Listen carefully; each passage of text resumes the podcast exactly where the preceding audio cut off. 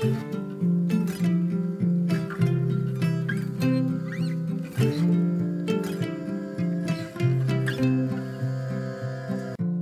och välkommen till For Health med Anna Sparre. Idag ska vi prata om gifter och hur du undviker dem. I avsnitt 108 så pratade vi om gifter i din vardag, i din närmiljö. Och eftersom det avsnittet blev omåttligt populärt och jag också fick massor med feedback i kommentarer på blogg och Facebook med mera om alla små förändringar som ni har gjort i er vardag efter avsnittet, så kör vi redan idag nästa del i det här med att giftbanta. Och idag handlar det om gifter i det du konsumerar, bland annat i mat och vatten.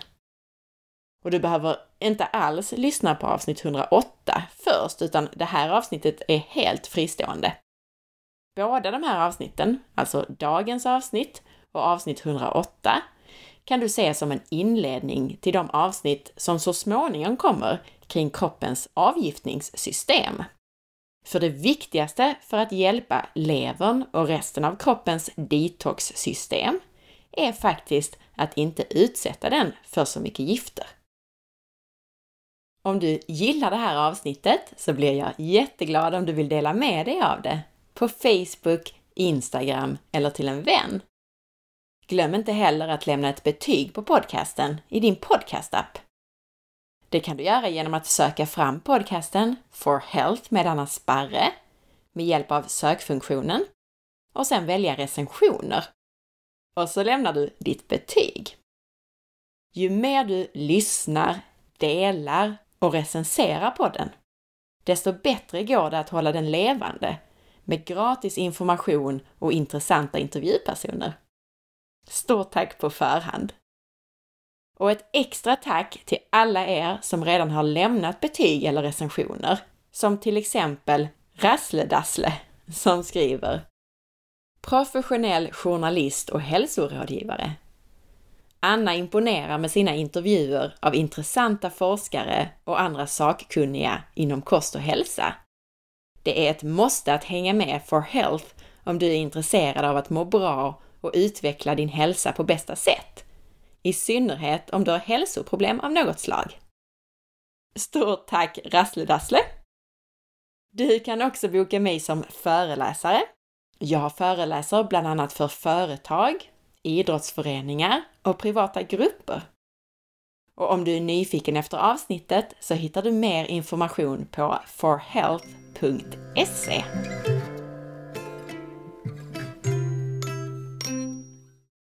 Vi ska som sagt prata om hur du kan undvika gifter idag. Och som sagt så blir det som en inledning till ett par kommande avsnitt om kroppens avgiftningssystem. Och jag kommer då att prata om hur du stöttar hela biotransformationen, alltså vårt avgiftningssystem. Detox i verkligheten helt enkelt. Men det allra bästa sättet att stötta levern och resten av kroppens avgiftningssystem är att inte ens utsätta den för alla dessa ämnen som våra kroppar faktiskt inte är gjorda för att hantera. Visst är vi gjorda för att hantera gifter. Det bildas ämnen inuti våra egna kroppar som levern måste ta hand om. Och det finns ämnen i naturen som är giftiga för vår kropp. Men de mängder av kemikalier, tungmetaller och annat som vi utsätts för idag är en mycket större belastning för din kropp än vad den är designad för att ta hand om. Forskare varnar bland annat för att det förutom kopplingen till vanliga välfärdssjukdomar och övervikt finns en stark koppling mellan kemikalier och antalet barn som får diagnoser som autism, dyslexi och ADHD. Antalet kemikalier som man vet är farliga för barnens utveckling av hjärnan har mer än dubblerats de senaste sju åren. Bara för att ge en inblick av vikten att vi tar hänsyn till detta när vi pratar hälsa. Det handlar alltså inte bara om vitaminer i kosten och bra träning. Det här blir inte på något sätt ett heltäckande avsnitt, men jag ska ta upp några saker som är värda att tänka på när det gäller gifter. Och missa som sagt inte populära avsnitt 108 som bland annat handlar om hur du plastbantar ditt hem. När vi nu pratar om att undvika gifter i bland annat mat så gissar jag att din tanke går till ekologisk mat. Och det är bra om du gör det. Men det handlar om mer än det.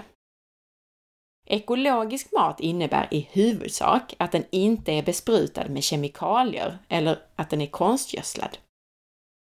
Och jag citerar definitionen på ekologisk. Att odla ekologiskt innebär en produktion utan kemiska bekämpningsmedel, handelsgödsel och GMO.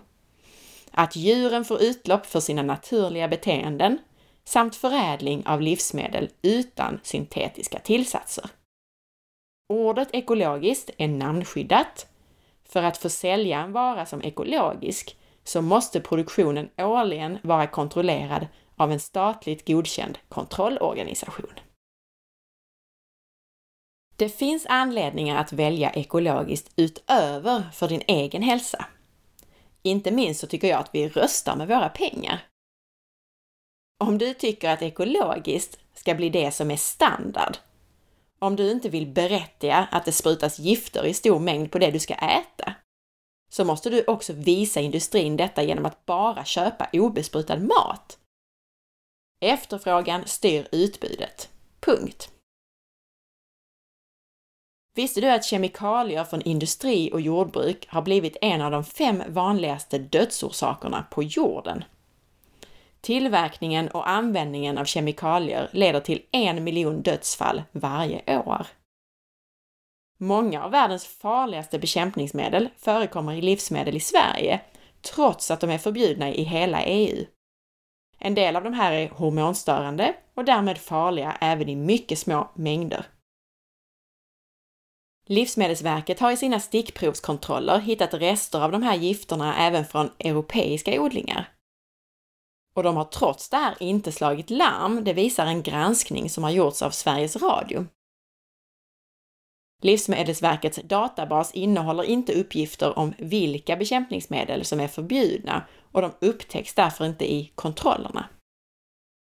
Totalt så rör det sig om 150 fall de senaste fem åren och bland annat så har man funnit de här förbjudna ämnena i apelsiner från Spanien, olivolja från Grekland, äpplen från Belgien, vindruvor från Grekland och gurka från Holland. Alltså helt vanliga matvaror. Flera av de förbjudna giftiga ämnena förbjöds för tio år sedan. Och det är ämnen som bland annat har negativa effekter på reproduktion och fertilitet. Och de 22 bekämpningsmedel som är förbjudna och som man hittade i den här granskningen, de är just förbjudna för användning inom EU. Men det är inte förbjudet att importera livsmedel som är odlade med hjälp av de här bekämpningsmedlen utanför EU, så länge halterna är under de gränsvärden som EU har beslutat om. Men nu har man faktiskt då i de här kontrollerna hittat de här ämnena även i grönsaker och frukter som är odlade inom EU.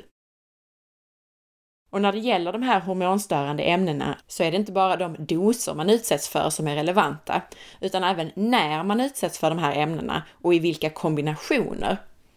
Generellt så är ämnena farliga även i väldigt små doser.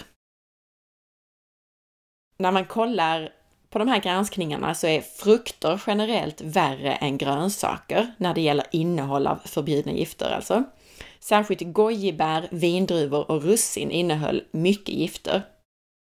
Mindre av gifterna hittades i svenskodlade grönsaker, men allra, allra minst gifter hittas i ekologiskt odlade frukter och grönsaker.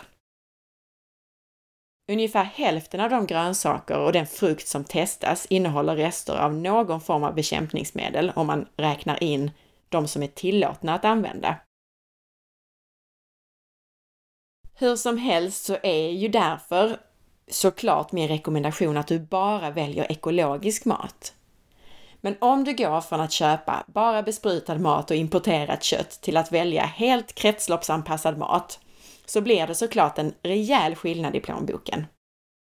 Det är värt det, det lovar jag. Men om du vill ta ett steg i taget så föreslår jag att du börjar med att byta ut de livsmedel som är mest besprutade och de livsmedel som innehåller fett, eftersom fett generellt ansamlar gifter. Och dessutom att du byter ut animaliska produkter till då ekologiskt eller naturbeteskött och så vidare. Eftersom djuren då generellt har det bättre i ett ekologiskt jordbruk.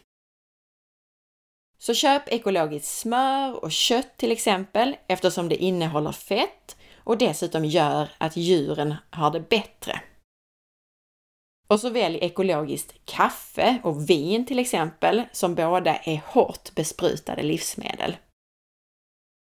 En annan sak att tänka på är att för vissa livsmedel så är inte prisskillnaden så stor mellan kemikaliebesprutade och ekologiska varor som för andra.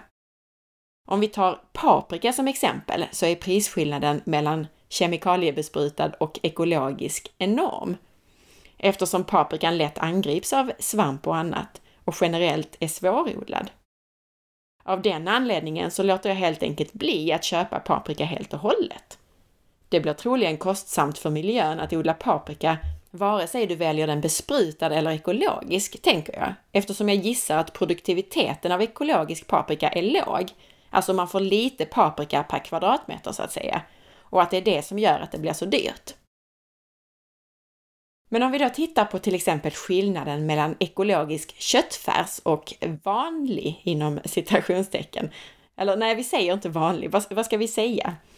Dålig tänkte jag säga, men det finns såklart uppfödare som inte har blivit klassade som ekologiska ännu, men som hanterar djur och natur och hälsa på ett bra sätt. Så det kanske är orättvist att säga dålig. Hur som helst så är ekologisk köttfärs procentuellt sett inte så mycket dyrare Bananer och mejeriprodukter är andra exempel som inte är särskilt dyrt att köpa ekologiskt, liksom frysta ekologiska grönsaker. Så det kan också vara ett ställe att börja din giftutrensning när det gäller maten. Att börja köpa ekologiska livsmedel inom en viss kategori till exempel. Om du någon gång odlat kål själv, till exempel broccoli eller grönkål, så vet du också att alla smådjur älskar kål och att du måste gå och plocka sniglar och kållarver nästan dagligen om du inte vill bespruta. Av den anledningen så väljer jag också att bara handla ekologisk kål. Den som ser alldeles perfekt ut i disken är med stor sannolikhet också ordentligt besprutad för att kunna se ut så. Men jag prioriterar också att odla själv och just grönkål är superenkelt att odla och ger mycket skörd under en lång säsong. Testa att odla i trädgården eller i lådor på balkongen. Men glöm bara inte att plocka kållarver för annars blir det ingenting kvar, jag lovar. Då kommer man ut till bara skeletten på bladen. Andra saker att tänka på är att av de vanliga svenskodlade grödorna så är jordgubben och potatisen de i särklass mest besprutade. Så välj ekologiskt, odla själv eller undvik de här livsmedlen helt. I en artikel så beskrevs hur man för att bekämpa bland annat svampangrepp på jordgubbar använder 11 olika insektsmedel, 14 preparat mot kvalster och 12 olika växtgifter mot ogräs sammanlagt 51 preparat. I Livsmedelsverkets provtagning på jordgubbar så innehöll 83 procent av alla prover restgifter. I något prov upp till 10 olika preparat, varav flera cancerframkallande. Så som sagt, välj ekologisk mat eller odla själv. Och med hälsosam mat så fungerar det så att antingen får du lägga tiden på att till exempel odla själv och laga själv, eller så får du lägga pengarna. Du väljer.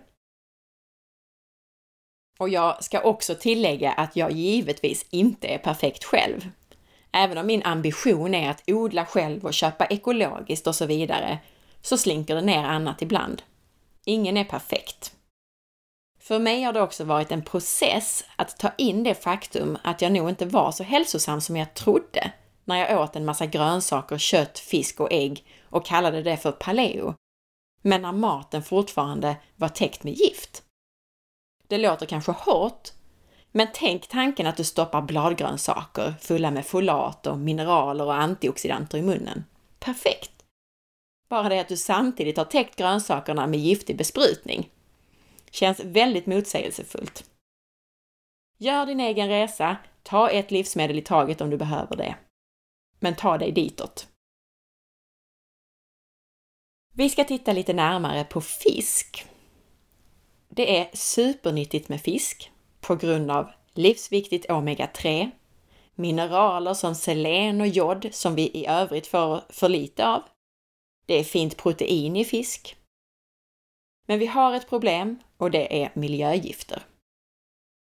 Jag vill absolut inte smutskasta fisk. Det är inte fisken som är problemet, det är utsläpp, besprutning och gödsling.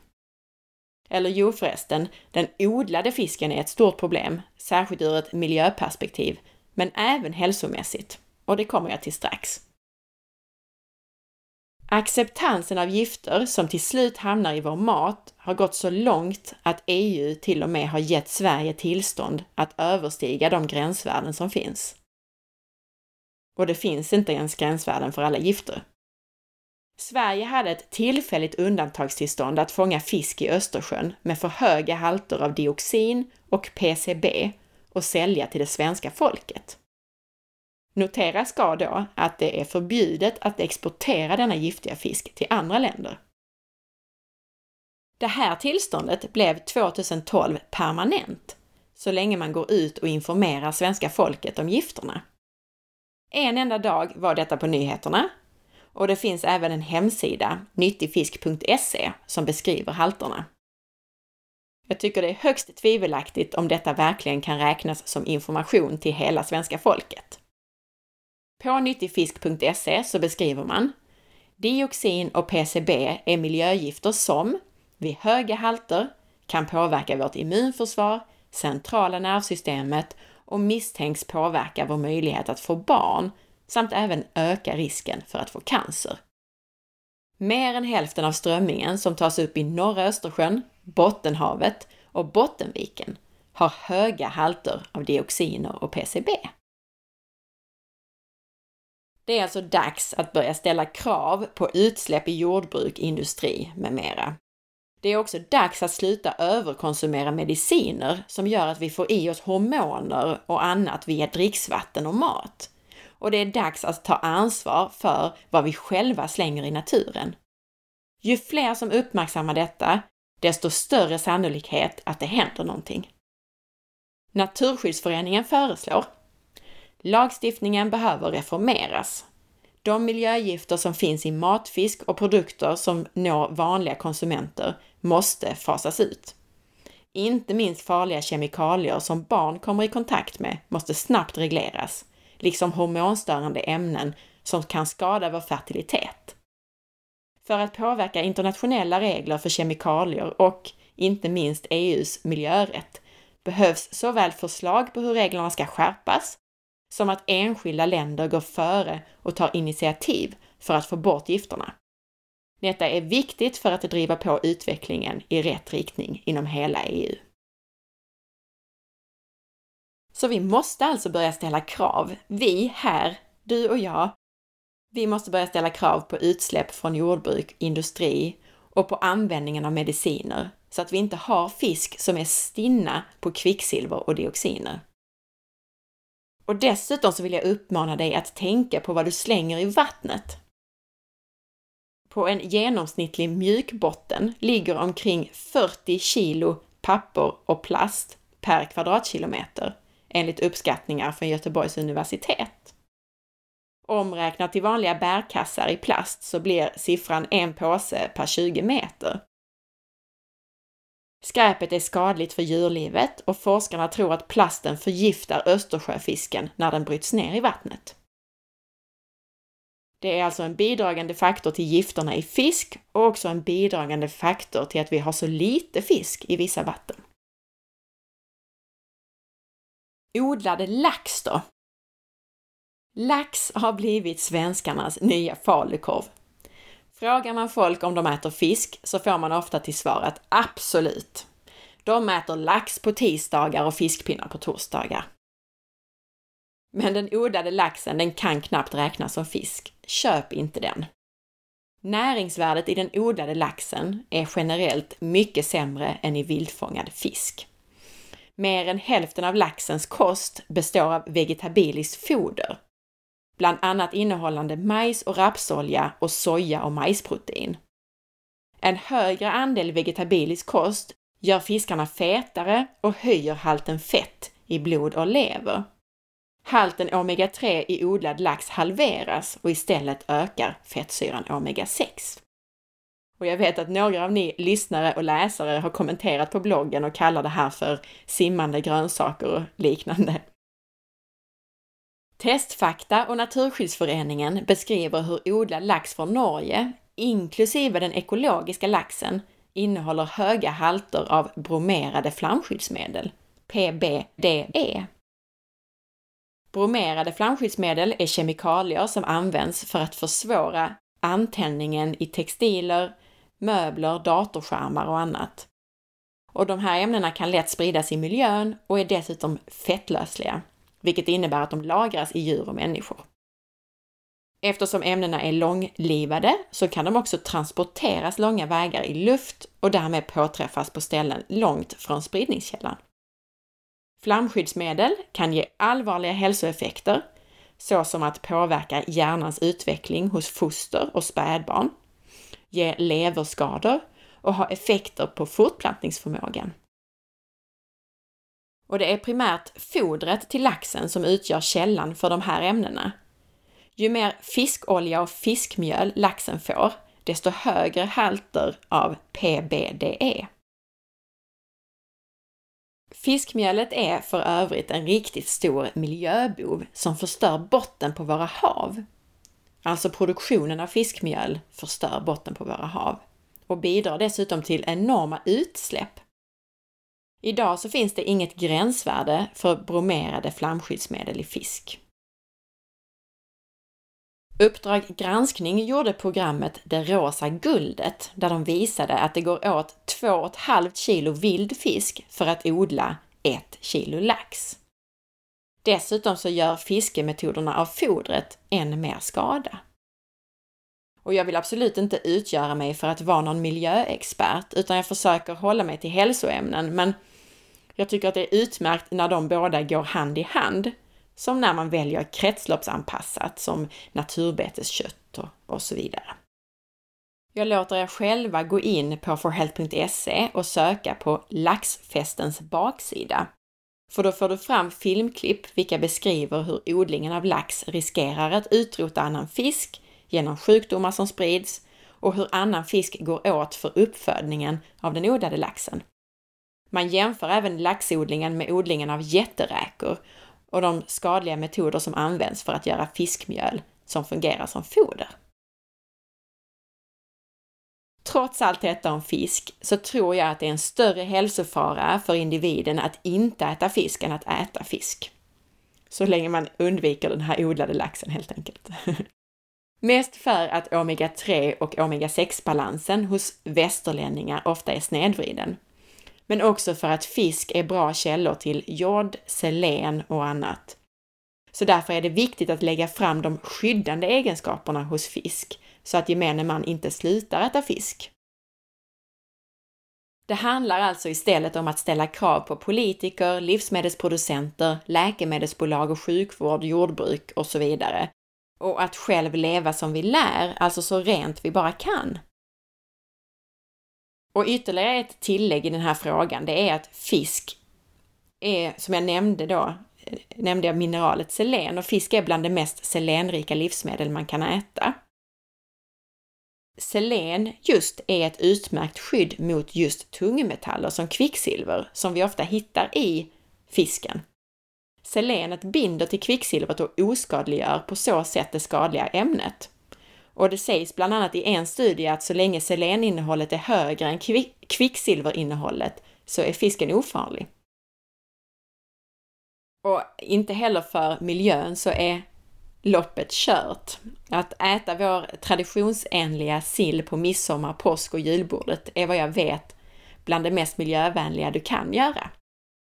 Sill är inte en utfiskad fiskart och dessutom så används fångstmetoder som inte kräver en herrans massa diesel, som eh, visst fiske gör.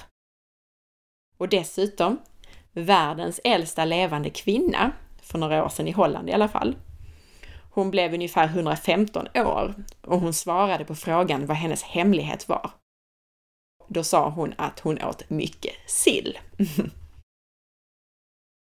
Hur som helst, förutom att undvika den odlade laxen så är de giftigaste fiskarna enligt Livsmedelsverket strömming från Östersjön inklusive Bottenviken, vildfångad lax och öring från Östersjön, Vänern och Vättern, vildfångad sik från Vänern och vildfångad röding från Vättern. Sen är det så att vi varnas för fet Östersjöfisk, men vi får i oss mer miljögifter från kött, mjölk och ägg enligt Livsmedelsverkets egna rapporter. För små barn så står miljögifterna dioxiner och PCB från all slags fisk, alltså inte enbart fet Östersjöfisk. De står för en tredjedel av intaget och resten kommer från andra livsmedel. Halterna är ju lägre i andra livsmedel, men vi äter mer kött, mjölk och ägg än fisk. Enligt beräkningar från organisationen Ren åker, ren mat så är intaget av dioxiner och PCB fem gånger högre från andra livsmedel än från fet Östersjöfisk. Och ett av problemen som gör att gifterna hamnar i vår mat, det är slamspridning på åkrarna som gör att halterna miljögifter är höga i jordbruksprodukter.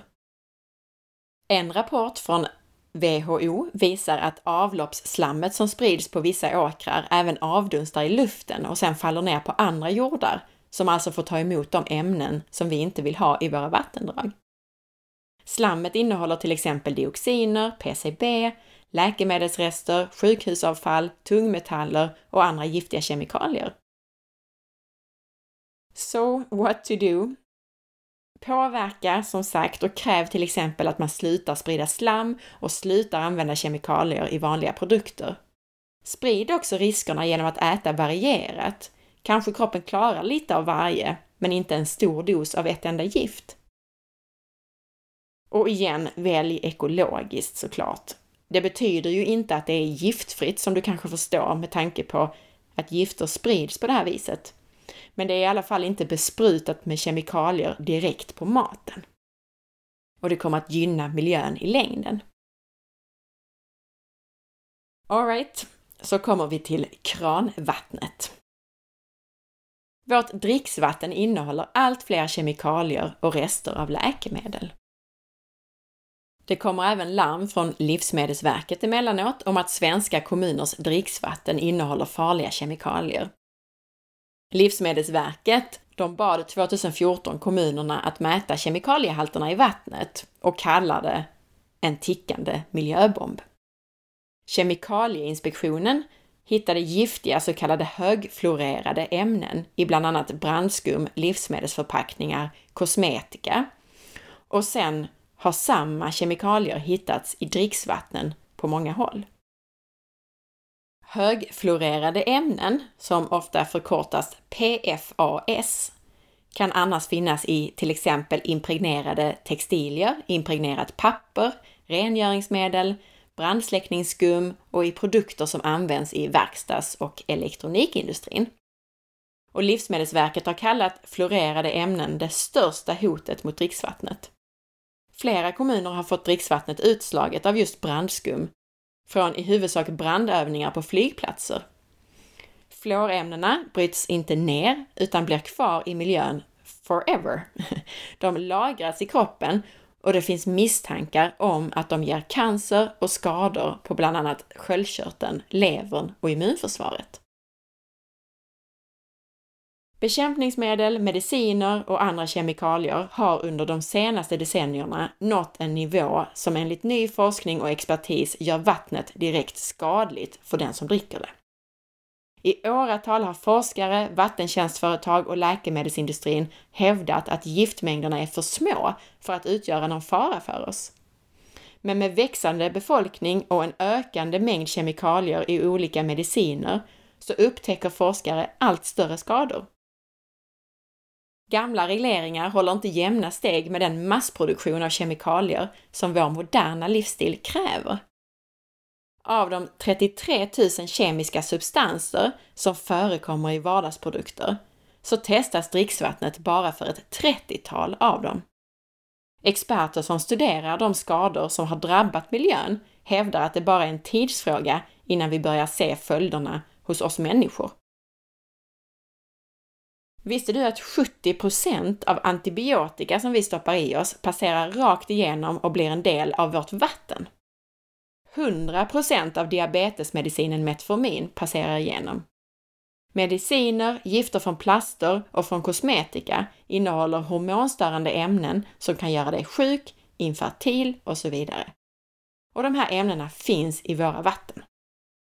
Men bara ett fåtal av alla tusentals giftiga ämnen mäts och kontrolleras.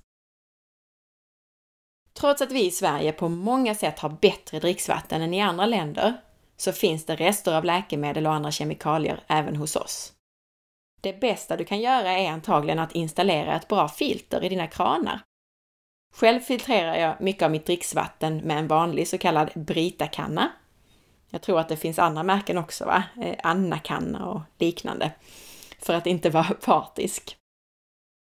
Kanske blir nästa steg för mig att installera filter helt enkelt.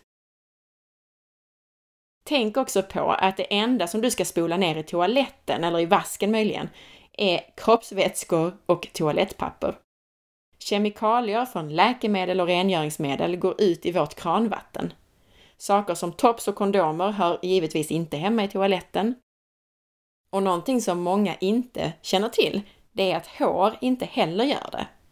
Alltså hår ska faktiskt slängas i papperskorg, inte i toaletten. För då underlättas vattenreningen och vi kan hålla vårt kranvatten renare.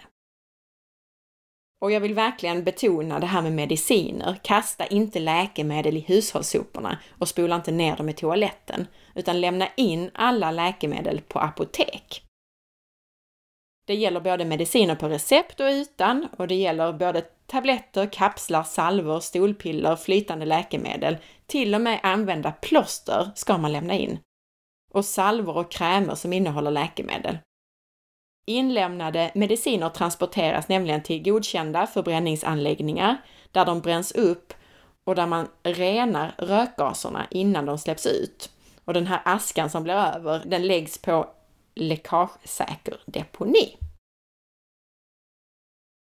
Slutligen så vill jag återigen påminna om att inte glömma kemikalierna som du sätter på kroppen. Herregud, vi duschar och rengör oss ju så vansinnigt mycket att vi blir sjuka. Ja, du hörde rätt. Vi blir inte friska av att tvätta oss, vi blir sjuka. Vi tar bort det feta lagret som ska hålla huden smidig och fri från sprickor.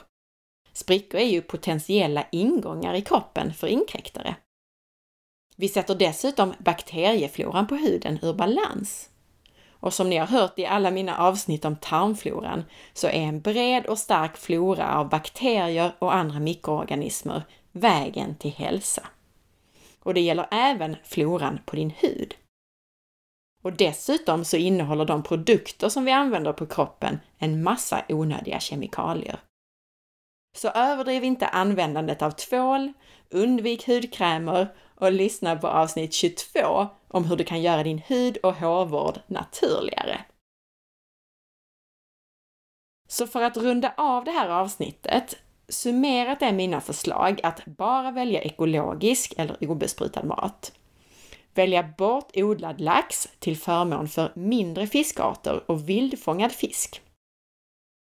Var med i namninsamlingar, skriv motioner, ta ställning till högre krav på att industri och jordbruk ska minska sin giftanvändning. Och köp inte produkter som du vet där det används mycket gift i produktionen, så att säga. Giftet hamnar i våra jordar, vårt vatten, i vår mat och i våra kroppar, även om vi är noga med att välja ekologisk mat. Så påverka som sagt. Vidare så föreslår jag att du filtrerar ditt vatten och att du minskar användningen av kemikalier på din hud genom att minska på tvålandet och genom att kasta ut hudkrämer och annat onödigt. Och om jag nu inte har lyckats övertala dig med de här två avsnitten, så kommer här lite hard facts om de ämnen som jag har pratat om. Många av de här kemikalierna, de härmar hormoner, de hämmar hormoner och de bryter ner hormoner. De hormonstörande ämnena har visat sig omprogrammera arvsmassan, bland annat redan hos barnet i magen. Kemikalierevolutionen som har pågått sedan andra världskriget gör att vi idag har över 100 främmande ämnen som cirkulerar i vårt blod. I ditt blod. Men mindre än 5% av de registrerade kemikalierna inom EU, alltså de ämnen som används inom EU, är testade för om de är giftiga. Alltså 95% av de kända kemikalierna i vår omgivning vet vi inte ens vilken verkan de har. Miljögifter ackumuleras i våra kroppar. Du kanske inte märker effekten förrän det är för sent helt enkelt. Och halterna ökar i näringskedjan och det här kallas för biomagnifiering. Det finns starka kopplingar mellan miljögifter och metabola syndromet, alltså övervikt, diabetes och så vidare, och även till andra välfärdssjukdomar. Och de här ämnena som vi pratar om, de finns i din direkta närhet, i mat, damm, elektronikvaror och så vidare. Och visste du att en bebis kan vara fullproppad av miljögifter redan när den föds? Samma halter som hos mamman. Barnet kan till och med ha högre halter än mamman av vissa ämnen, högre koncentration alltså. Ämnen som helt enkelt har hamnat där under graviditet och amning. Och tidigare generaldirektör på Kemikalieinspektionen, Ethel Forsberg, hon säger att hon blev förbannad på att vi kan tillåta så många kemikalier i vår vardag. Hon säger att det mörkläggs hur mycket och hur farliga kemikalierna faktiskt är. Problemet är att vi som konsumenter inte får reda på vilka kemikalier det finns, bland annat i plasterna i vår omgivning. I allt från matförpackningar, elektronikvaror, leksaker med mera. Hon kopplar även många av våra välfärdssjukdomar till dessa gifter. Med det sagt så ber jag dig att tänka så här. Välj minst en sak som jag tog upp i det här avsnittet och en sak i avsnitt 108 och börja där. Det kan ju bli överväldigande att göra allt på en gång. Tack för att du lyssnade idag! Och jag hoppas att du gillade avsnittet och inte bara ser det som nedslående utan faktiskt tar tag i de saker du kan. Gör vad du kan, rösta med dina pengar som jag sa. Välj medvetet och köp varor som du kan stå för. Gillade du avsnittet så dela med dig av det på Facebook, tipsa en vän och sprid det så att fler får ta del av det. Missa inte heller att följa med på facebook.com forhealth.se och på Instagram via signaturen asparre. Gå gärna in i iTunes och lämna ditt betyg eller en recension. Och titta gärna in på bloggen också på forhealth.se. Ha en fantastisk dag så hörs vi snart igen. Hej då!